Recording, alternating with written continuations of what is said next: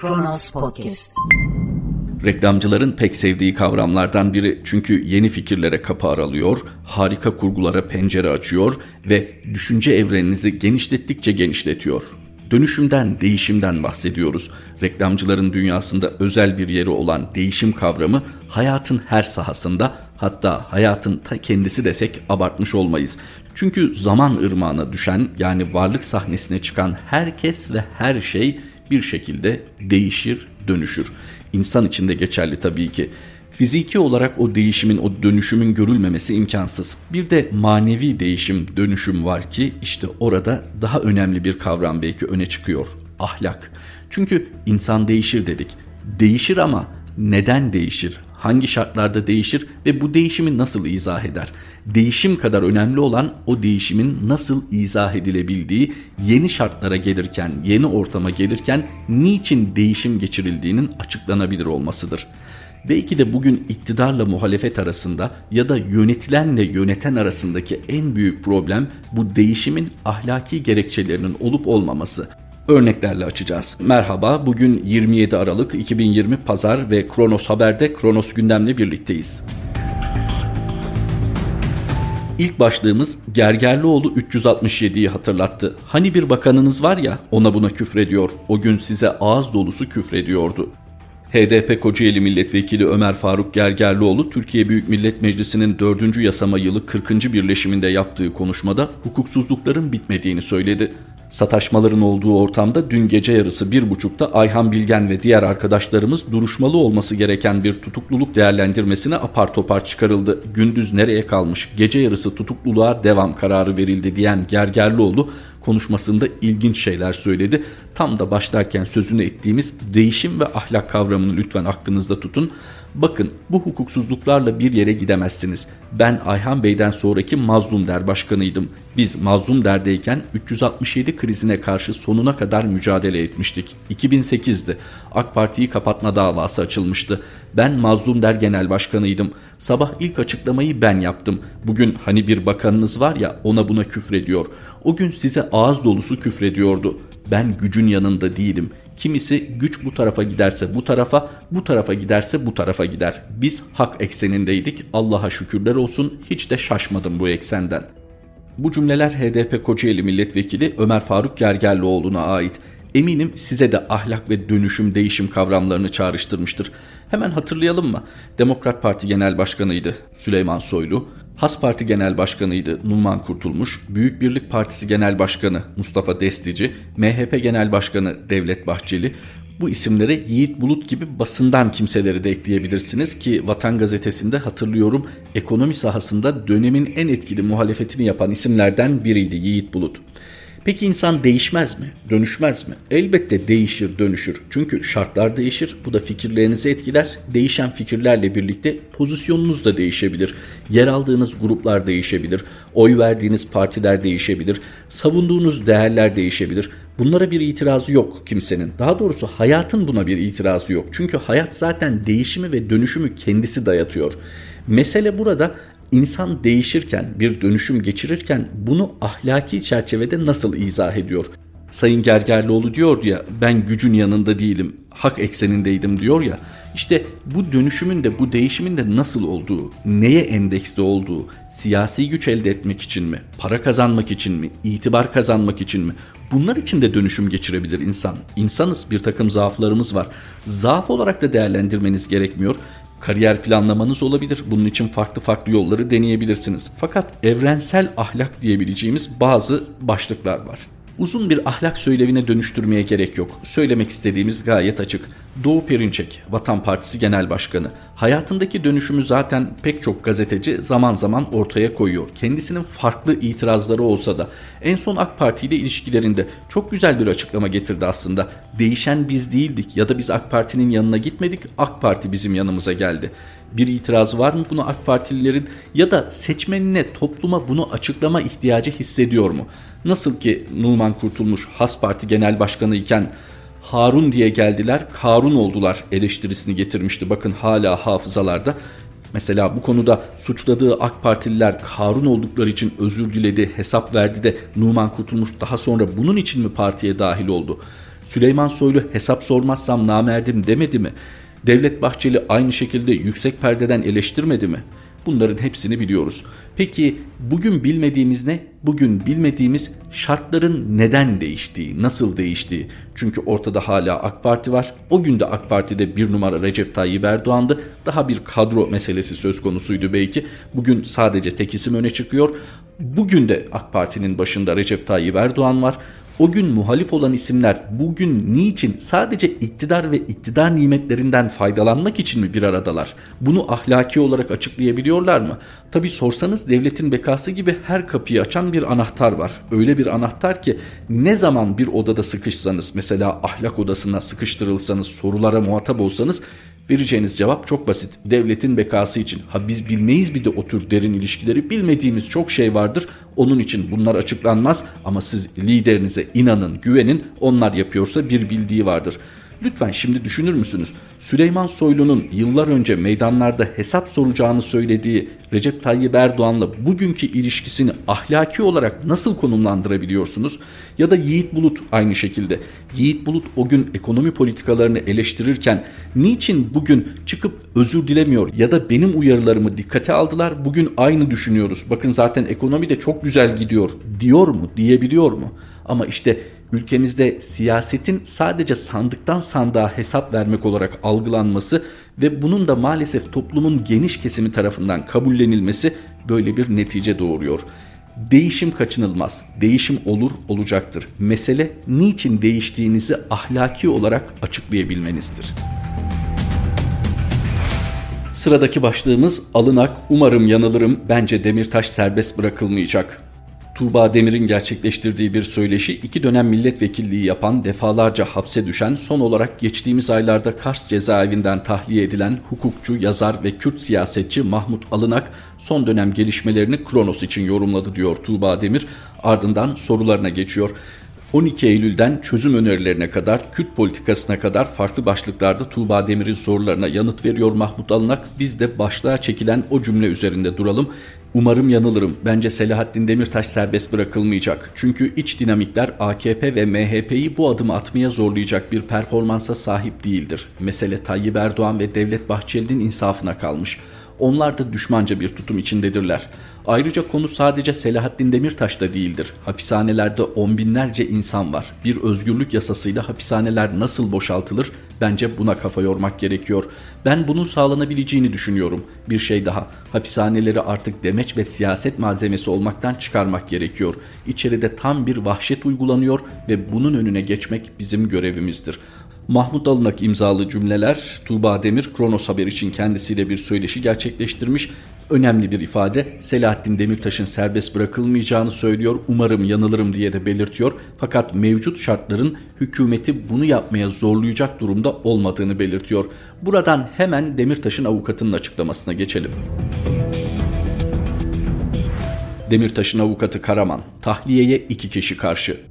Eski HDP eş genel başkanı Selahattin Demirtaş'ın avukatı Mahsuni Karaman, Demirtaş'ın tahliyesine ülkede iki kişinin karşı çıktığını belirtti. Karaman Twitter hesabından yaptığı paylaşımda Demirtaş'ın tahliyesine Cumhurbaşkanı Erdoğan'la MHP lideri dışında kimsenin karşı olmadığını belirtti. Karaman Demirtaş'ın tahliyesine karşıymış gibi görünenlerin de bu iki kişi karşı olduğu için karşı olduklarını ifade ederek yargı hükümetin organı değil devletin organıdır. Kesin ve bağlayıcı olan bu karara uymak zorunda dedi. Bu da bir ahlak sorunu. Bir söz vermişsiniz. Hem de devlet olarak bir sözleşmenin altına imza atmışsınız. Demişsiniz ki Avrupa İnsan Hakları Sözleşmesi'ni tanıyorum. Avrupa İnsan Hakları Mahkemesi de benim iç hukukumun üstünde bir mercidir ve kararları benim için bağlayıcıdır. Şimdi bakıyorsunuz anayasadan maddeler çıkarmaya çalışıyorsunuz. Aslında Avrupa İnsan Hakları Mahkemesi'nin kararı bağlayıcı değildir. Bizim mahkemelerimiz durumu değerlendirir. Neden bugüne kadar böyle değildi peki? Neden bugün böyle olmasını istiyorsunuz? Evet dönüp dolaşıp mesele ahlakta düğümleniyor. Sırada koronavirüsle ilgili bir başlık var. Çin'den gelecek koronavirüs aşılarının geliş tarihi ertelendi. Sağlık Bakanı Fahrettin Koca, Çin'in başkenti Pekin gümrüğünde görülen koronavirüs vakasından dolayı aşıların gelişinin 1-2 gün ertelendiğini açıkladı. Bakan Koca bu bilgiyi Twitter hesabından yaptığı açıklamayla paylaşıyor takipçileriyle. Biz de hemen günün verilerini aktaralım. Türkiye'de son 24 saat içerisinde 172.113 kişiye test yapıldı. 14.205 yeni vaka tespit edildi. 254 kişi hayatını kaybetti. İyileşen hasta sayısı 21.196 olurken ağır hasta sayısı 2806 oldu. Tekrar edelim. Çin'den gelecek aşı Sayın Bakan'ın ifadesiyle birkaç gün gecikecek. Sadece sağlık sahasındaki uzmanların değil tüm vatandaşların sorduğu bir soru var. Tamam 50 milyon Çin aşısı gelecek. Bu konuda risk gruplarına göre bir takvim yapılacak ve planlama dahilinde ülke genelinde aşılama yapılacak. Ama 550 bin Pfizer-BioNTech aşısı var. Bu Avrupa menşeli aşı daha güvenilir bir aşı olduğu söyleniyor. Nitekim faz 3 dahil kontrol sürecinde geçtiği biliniyor. Peki 550 bin doz Pfizer-BioNTech aşısı kimler için ayrılacak? Herhalde 50 milyon Çin aşısının içine karıştırılıp ne çıkarsa bahtına uygulaması yapılmayacak. Mutlaka bu 550 bin aşı için farklı bir yol yöntem düşünülüyor dağıtım konusunda. Bu konuda Sağlık Bakanlığı bir açıklamada bulunabilir mi? Bu sadece yönetsel değil ahlaki bir meseledir de. Mesela Almanya'da aşılama planlamasında hükümet üyelerine bir ayrıcalık tanınmamasına karar verildi. Tanınabilirdi halkın da büyük oranda itiraz edeceğini sanmıyorum çünkü evet yöneticilerin bir aciliyeti olabilir. Son derece anlaşılır. Fakat bu konuda Türkiye nasıl bir tutum izleyecek? Bu konuda açıklama yapacak mı acaba Sağlık Bakanlığı? Sırada veriden ziyade gözleme dayalı bir ekonomi başlığı var. Gelecek Partisi millet aç aç iktidarsa kuru ekmekle karnını doyur diyor. Gelecek Partili Muhsin Emre Demiröz ekmek almak için kış günü sırada bekleyen vatandaşların fotoğrafını paylaştı. Millet aç dedi ama belediye kuru ekmekle karnın doysun virüsten ölürsen karışmam diyor şeklinde sosyal medyada bir paylaşımda bulunmuş. Demiröz'ün bu paylaşımı Ordu'nun Altınordu ilçesinde AK Partili bir belediye yönetiminde Altınordu çekilen bir fotoğraf. Bu fotoğrafı Türkiye'nin hemen her yanında görebiliriz. Çünkü belediyelerin malum kendi üretimi olan unlu mamulleri çok daha ucuza mal ediliyor ve halka daha düşük fiyatlarla sunulabiliyor. Bunda bir sorun yok. Sorun salgın ortamında, kış şartlarında insanların mutlaka buna mecbur olmaları. Belki bu konuda iktidarı destekleyenler biraz daha farklı düşünüyorlar. Yani halkımız tasarruf etmek adına, tutumlu olmak adına ucuz olanı tercih ederler. Yanlış bir davranış biçimi de değil. Fakat tüketicinin alışkanlığı kendini güvende hissetmekle ilgilidir. Salgınla eğer ucuzluğu kıyaslayacak olursanız, soğukla ucuzluğu kıyaslayacak olursanız belki yarı fiyatına inmiş bir televizyonun alınması için yahut da işte çok revaçta olan iletişim araçlarının alınması için bu kuyruğa girebilir insanlar ama 20-30 kuruş hadi 50 kuruş kar edeceği bir ekmek için niçin kendisini bu kadar riske atsın salgın ortamında ve kış şartlarında? Onun için lütfen ekonomiye yön verenler ya da veremeyenler milletin bu fotoğraflarına dikkat etsin. Nitekim Gelecek Partisi de nitekim Gelecek Partisi'nden Emre Demiröz de millet aç aç iktidarsa kuru ekmekte karnını doyur diyor diyerek sosyal medyada paylaşmış ahlaki olarak açıklanamayan bir değişim, bir dönüşüm toplumun hayrına olmadı olmuyor. Daha geriden ele alıyor Ayhan Tekineş. Kronos Haber'de bir yorumu var. İstibdada boyun eğenin ahlakı olabilir mi diye soruyor. Ahlaklı olmak özgür iradeyle gerçekleşen eylemlerimizle alakalı bir hükümdür. Bu sebeple İslam tarihindeki ilk rasyonalist akım olan Mutezile ahlakı özgür irade üzerinden tartışmıştır özgür iradeyi ahlakın ve eylemlerimizden sorumlu olmanın ön koşulu görmüşlerdir. Özgürlük ve totaliterlik üzerine yazılarıyla tanınan Abdurrahman el-Kevakibi, istibdat altındaki toplulukların ahlaklı olmalarının mümkün olmadığını şöyle vurgular. İstibdada boyun eğenlerin bir namusu, ahlak nizamı olabilir mi? Onlar boynuna tasma takılmış, sahibinin nereye isterse çekip götürdüğü hayvanlar gibidir.'' Onlar rüzgarın önünde uçuşan bir tüy gibidir. Ne nizamları ne de bir iradeleri vardır. İrade nedir? İrade ahlakın temelidir. İradenin önemini anlatmak için Allah'tan başka bir şeye ibadet edilmesine izin verilseydi akıllı insanlar iradeye ibadet ederlerdi denilmiştir. Baskı ve ahlak arasındaki ilişki şüphesiz günlük hayatta da karşımıza çıkar. Ödevleri için zorlanan çocuklar, daha fazla çalışmaları için baskı yapılan çalışanların ya da öğrencilerin davranışlarındaki değişim gözlemlendiğinde çoğu zaman verimliliğin değil ahlaksızlığın arttığı görülür. Bu durumda tek çare baskının dozunu artırmak gibi görünse de bu çoğu zaman daha çok baskı, daha çok ahlaksızlık kısır döngüsüne dönüşür. Sonuçta ahlaki değerleri yıpranmış, bezgin ya da riyakar insan tipleri çıkar karşımıza. Özgürlükle kötülük arasında yakın ilişki olduğu açık. Dünyada insan eliyle işlenen kötülüklerin varlığı ise özgürlüğün bir bedeli. Peki nasıl oluyor da özgürlüklerin kısıtlanması ve zorba rejimler kötülüğün ve ahlaksızlığın kaynağı oluyor? Her şeyi bilen ve hızlı karar alabilen lider insanlara sürekli iyi ahlaklı olmaları, hatta sigara bile içmemeleri konusunda uyarılarda bulunduğu halde baskıcı tek adam rejimlerinde ahlaksızlık niçin hızla yayılıyor? Bunun cevabı özgürlüğün kısıtlanmasında mı yoksa yöneticilerin davranışlarındaki tutarsızlıkta mı aranmalı?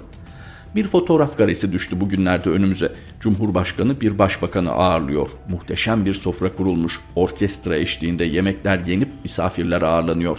Halbuki her gün çöpten ekmek ve atık sebze meyve toplayan insanların fotoğrafları sosyal medyada gündeme geliyor.